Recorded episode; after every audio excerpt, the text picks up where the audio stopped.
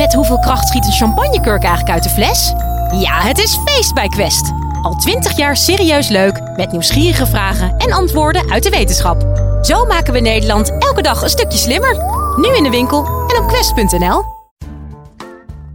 Ja, hey daar, wetenschapsliefhebber. Ik ben Sophie Frankemolen en wat fijn dat je weer luistert naar de Universiteit van Nederland podcast. Hey, ken je dit? Sta je eindelijk weer eens met je geliefd op de dansvloer en dan lijkt het net alsof je lief op een heel ander nummer danst, totaal uit de maat. Partners die niet kunnen dansen. Het is een maatschappelijk probleem. Maar waarom kan je partner niet dansen? De wetenschap, namelijk neurowetenschapper Fleur Bauer van de Universiteit van Amsterdam, heeft er gelukkig een antwoord op. Live vanuit Paradiso is dit de Universiteit van Nederland. Ik doe onderzoek naar hoe ritmegevoel werkt in de hersenen. En nou geef ik daar wel vaker een praatje over. En eigenlijk vertel ik altijd dat de meeste mensen best een aardig ritmegevoel hebben. Maar dan is er dus altijd wel iemand in de zaal die zijn hand opsteekt en zegt: Ja, maar mijn partner die kan dus echt niet dansen. Nou, dat wil ik eerst even vaststellen. Dan hebben we dat in ieder geval gehad voordat ik verder ga. Wie vindt er dat hun partner niet zo goed kan dansen? Oeh, ik zie heel veel handen heel enthousiast de lucht ingaan. Fijn. Ja, mijn man zit daar. Die heeft ook zijn hand heel enthousiast de lucht ingestoken. Dankjewel, lief. Um, we kunnen in ieder geval vaststellen dat er verschillen zijn tussen mensen. Sommige mensen kunnen beter dansen dan andere mensen. Maar hoe komt dat nou? En wat heeft dat met ritmegevoel te maken? In dit college ga ik vertellen over wat ritmegevoel is, wat ons brein nou allemaal met ritme kan en of we nou allemaal een beetje ritmegevoel hebben. Om met dat laatste maar even te beginnen. Ik wil eerst eens even een belangrijk onderdeel van ritmegevoel bij jullie testen. En dat gaan we doen met de zogenaamde Beat Alignment Test.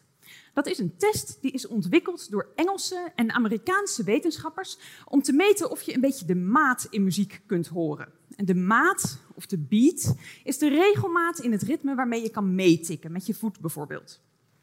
Jullie krijgen straks twee fragmenten muziek te horen. Daar zitten piepjes overheen gelegd. En de vraag voor jullie is: zitten die piepjes precies op de beat of zitten ze niet op de beat? En jullie mogen de groene en rode antwoordkaartjes daar weer even voor tevoorschijn halen. Um, want je mag straks groen laten zien voor ja, ze zitten op de beat, en rood voor nee, ze zitten niet op de beat. Uh, let goed op, want we gaan meteen naar het eerste fragment luisteren.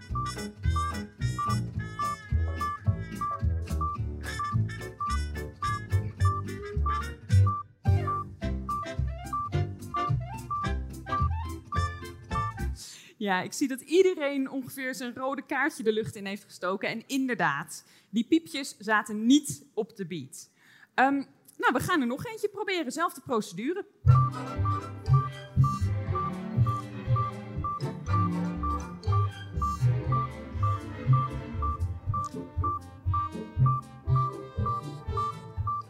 Ja, ik zie nu dat de merendeel van de mensen heeft groen omhoog gestoken. Maar er zijn toch ook een stuk of 10, 15 mensen die rood hebben opgestoken. En inderdaad, deze zaten ook niet op de beat. Hij was wel een beetje moeilijker te horen. Die piepjes zaten er wel wat dichterbij. Nou, als wij een echte test doen in het lab, dan laten we natuurlijk nog veel meer fragmenten horen. En eigenlijk vinden we altijd dat verreweg de meeste mensen een heel aardig maatgevoel hebben. En wat we ook uit ons eigen onderzoek weten, daar heb je dus helemaal geen muziekles voor nodig. Dat kan je ook gewoon als je nooit muziekles hebt gehad. En dat is maar goed ook. Want als je de maat kan horen in muziek, dan kan je voorspellen wanneer de volgende beat gaat komen. En die voorspellingen zijn een van de belangrijkste aspecten van ritme. Als je namelijk wil meebewegen op ritme, bijvoorbeeld wil klappen met de maat mee, dan moet je die beweging eigenlijk op tijd beginnen om precies op het juiste moment je handen op elkaar te slaan, zodat dat precies gelijk met de volgende beat is. En dat lukt niet zonder die voorspellingen. Maar hoe doet het brein dat nou? Dat voorspellen van die beat in een ritme. Nou, we denken dat dat iets te maken heeft met trillingen of met een mooi woord oscillaties. En eigenlijk alles wat regelmaat heeft, een terugkerende regelmaat, dat kunnen we beschrijven als een trilling of oscillatie. Dus bijvoorbeeld de slinger van een klok of het dag- en nachtritme. En ook de maat in muziek heeft regelmaat. Dus ook dat is een trilling of oscillatie. En het brein zit helemaal vol met oscillaties. Hersencellen, neuronen, die communiceren met kleine elektrische signaaltjes. En groepjes neuronen hebben de neiging om dat met regelmatige tussenpozen te doen. En het gevolg daarvan is dat heel veel processen in dat brein te beschrijven zijn als een oscillatie. En nou komt het mooie. Als je twee oscillerende systemen hebt en je brengt ze met elkaar in contact, kunnen ze zich aan elkaar gaan aanpassen. En dan gaan ze langzaamaan synchroon lopen. Nou, om te laten zien hoe dat synchroniseren nou een beetje werkt, heb ik deze metronooms meegenomen. Um, in feite is ieder van deze metronooms is een oscillerend systeem, want ze hebben een regelmatige beweging. Dan ga ik ze even aanzetten. Dat moet ik dus niet precies gelijk doen. Nee, ik moet ze ietsje ongelijker, zoiets. Um, nu staan ze op een plankje en daaronder liggen twee lege blikjes. Die zie je al een beetje bewegen. Omdat die kunnen bewegen, kunnen ze hun trilling aan elkaar doorgeven. En als het goed is, ja, daar komen ze al. Ja, dan gaan ze dus synchroniseren. Nou, het idee is dat dit is wat ons brein uh, doet.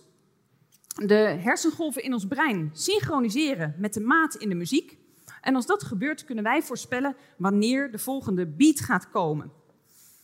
Nou, dat lijkt vrij eenvoudig. We hebben regelmaat in ons brein, we hebben regelmaat in de muziek en dat koppelt aan elkaar. Maar gelukkig is ons brein wel wat ingewikkelder dan een metronoom. En we kunnen dan ook wat meer met ritme dan alleen regelmaat horen. We kunnen bijvoorbeeld ook voorspellingen doen op basis van een ritmisch patroon.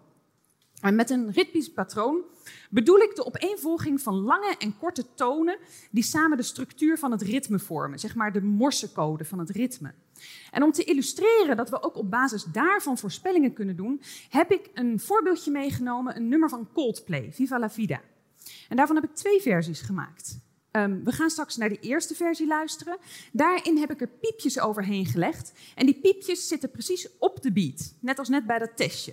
En als je daarnaar luistert, dan zul je, zul je horen dat die piepjes regelmatig zijn. En dat je ook precies kan voorspellen wanneer die piepjes komen. Ook al zijn ze niet precies gelijk met het muzikale patroon soms, met het ritmische patroon. Laten we daar eerst maar eens naar gaan luisteren.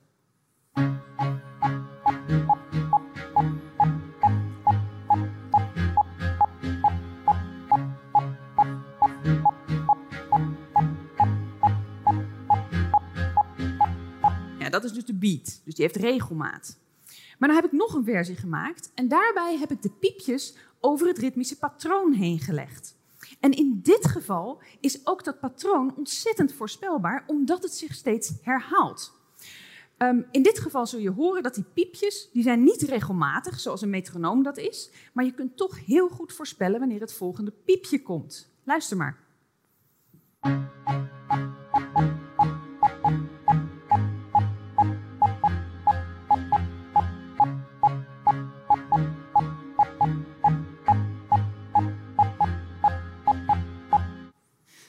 Oké, dus ritmegevoel. We hebben het eigenlijk allemaal wel aardig. Het heeft heel veel met voorspellingen te maken. We kunnen bijvoorbeeld voorspellen uh, waar de maat in de muziek gaat klinken, doordat onze hersengolven synchroniseren met die maat in de muziek. En we kunnen ook een ritmisch patroon heel goed voorspellen. Nou, dat we wat meer kunnen dan alleen die regelmaat in muziek voorspellen, dat is wel zo handig. Want lang niet alle muziek is regelmatig. In heel veel culturen komt muziek voor die voor westerse luisteraars misschien best een beetje ingewikkeld klinkt. Nou, Hans Vermunt is uh, met mij meegekomen en die gaat straks voor ons een voorbeeld spelen van volksmuziek die afkomstig is van de Balkan. En dit voorbeeld is een voorbeeld in een zeven-achtste maat, zoals we dat in de muziektheorie zeggen. En dat is een onregelmatige maatsoort.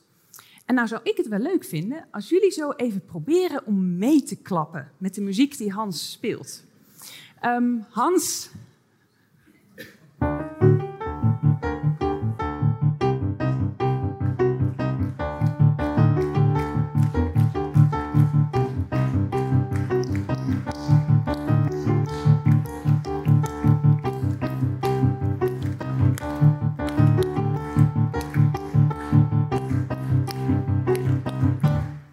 Ja, heel goed. Uh, applaus voor Hans. Ja, ik, ik, weet niet hoe het jullie verging. Het, het lukte uiteindelijk eigenlijk heel aardig, maar ik vind dit best moeilijk. En ik heb jullie dus net allemaal verteld dat iedereen heel aardig ritmegevoel heeft. Maar er zijn dus wel degelijk verschillen tussen mensen, want Hans die speelt dit moeiteloos. Ehm, nou, een deel van die verschillen komt natuurlijk door aanleg. Maar een deel van de verschillen komt ook door de ervaring die je met muziek hebt. Als je bijvoorbeeld bent opgegroeid op de Balkan, dan heb je misschien heel veel van dit soort ritmes gehoord. En dan zal je brein dus ook beter in staat zijn om voorspellingen te doen over wat er gaat komen. En zal je dus waarschijnlijk er ook beter op kunnen dansen. En dat geldt natuurlijk ook voor andere genres. Als jij heel erg veel naar experimentele jazz luistert, dan zal je waarschijnlijk hebben geleerd om de patronen in die muziek heel goed te herkennen. En dan zal je dus waarschijnlijk ook beter kunnen voorspellen wat daar gaat gebeuren. Die voorspellingen hebben vervolgens ook nog heel veel invloed op of we muziek mooi vinden en ook op of we zin hebben om op die muziek te dansen. En dat wilde ik even uitproberen. We kunnen namelijk muziek zo voorspelbaar en onvoorspelbaar maken als we dat zelf willen. Dus ik wilde eens kijken wat er gebeurt als wij knutselen aan de voorspelbaarheid van echte muziek. Uh, Hans die heeft voor ons twee versies van een nummer van de Pointer Sisters voorbereid. I'm so excited. Um, en we gaan daar straks even naar luisteren. En eigenlijk is de enige vraag die ik voor jullie heb: uh, luister goed naar deze twee versies. En Hans gaat eerst versie 1 spelen.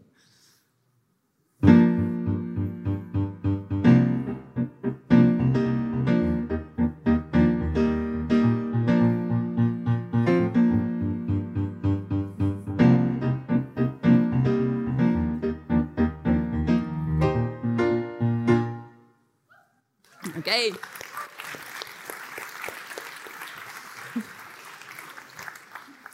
En dan gaan we nu luisteren naar versie 2.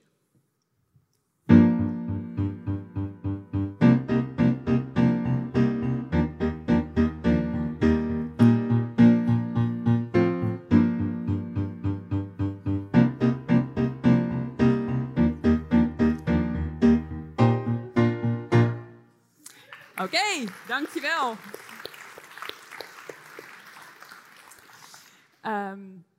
Ja, mijn, mijn eerste vraag is eigenlijk: welke vonden jullie mooier? Mag ik handen zien? Wie vond versie 1 mooier? Oké, jullie zijn unaniem. Ik hoef niet meer naar versie 2 te vragen. Um, uh, ja, ik denk dat dat komt omdat Hans versie 2 ontzettend voorspelbaar heeft gemaakt. En wat we ook uit onderzoek weten, is dat uh, we vinden muziek vooral mooi als het niet helemaal voorspelbaar is, maar als er af en toe wel iets verrassends gebeurt. Het mag ook weer niet helemaal onvoorspelbaar zijn, want als we helemaal geen voorspellingen kunnen doen, dan vindt ons brein dat ook niet zo fijn. Um, met andere woorden, er is een sweet spot waar de balans tussen voorspelbaar en onvoorspelbaar precies goed is en dan vinden we de muziek mooi. Um, en die balans is ook nog eens voor iedereen anders. Um, het kan best dat sommige mensen veel meer van voorspelbare muziek houden en andere mensen van meer onvoorspelbare muziek.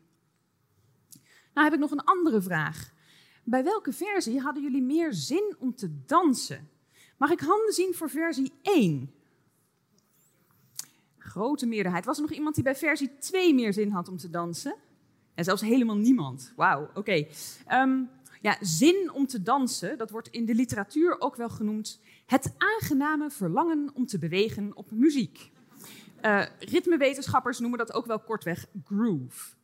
En het blijkt nou dat net zoals je muziek mooi vindt, als het zich precies op die sweet spot tussen voorspelbaar en onvoorspelbaar bevindt, dan heb je ook meer zin om erop te dansen.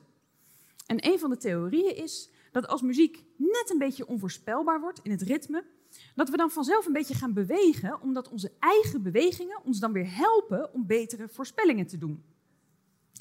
Nou, die hele sterke link tussen ritme en beweging, die zie je ook als je kijkt welke hersengebieden zich bezighouden met ritme en met voorspellingen doen in ritme. Dat zijn hersengebieden die deel uitmaken van de motorische hersennetwerken. Met andere woorden, dat zijn hersengebieden die zich bezighouden met het plannen van beweging. En dat verklaart misschien ook wel waarom je als je naar muziek luistert vaak als vanzelf een beetje mee gaat bewegen. Maar nu even terug naar mijn beginvraag. Waarom kan mijn partner niet dansen? Nou, een deel van het antwoord hebben we dus al. Om te kunnen dansen moet je goed kunnen voorspellen wat er gaat gebeuren in het ritme. En ja, sommige mensen zijn daar beter in dan anderen. Maar dat is niet het hele verhaal. Wij maken in ons onderzoek onderscheid tussen het horen van het ritme, dat noemen we de perceptie, en het kunnen produceren van een ritmische beweging, de productie. En de perceptie en de productie zijn heel nauw aan elkaar verwant, maar ze zijn niet precies hetzelfde. Neem bijvoorbeeld mijzelf. Ik doe heel veel onderzoek in het lab met ritmetestjes. Ik heb ook zelf heel vaak die ritmetestjes gedaan. En ik durf ook wel te stellen dat ik een heel aardig ritmegevoel heb. Ik kan het allemaal wel goed horen. Dat is ook best handig als je daar onderzoek naar doet. Um, maar ik ga hier niet staan dansen. Want ik zie het niet heel erg zitten dat mijn dansmoves straks op YouTube belanden. Um, ik heb dus best een aardig ritmegevoel, maar dansen kan ik niet per se heel erg goed. En ik denk dat dat komt omdat ik best wel weet wanneer ik iets zou moeten doen, maar dan precies de juiste beweging op precies het juiste moment, met precies de juiste snelheid beginnen. Ja, dat vereist best wel wat motorische coördinatie. En daar ben ik dan weer een beetje minder goed in. Kortom, als je partner niet kan dansen, dan hoeft er helemaal niks mis te zijn met het ritmegevoel. Je zult toch ook dat dansen zelf moeten oefenen, want dat is toch wel weer een extra stap. Um, het helpt natuurlijk wel om gewoon heel veel naar heel veel verschillende muziek te luisteren, zodat je heel goed leert om al die ritmes te voorspellen. En uiteindelijk moet je natuurlijk vooral gewoon flink losgaan op de dansvloer, want dat is altijd een goed idee. Je hoorde Fleur Bauer. En heb jij nou ook een vraag? Laat dan vooral een bericht achter op onze Universiteit van Nederland hotline. En het nummer daarvan vind je in de beschrijving. Dankjewel en tot de volgende!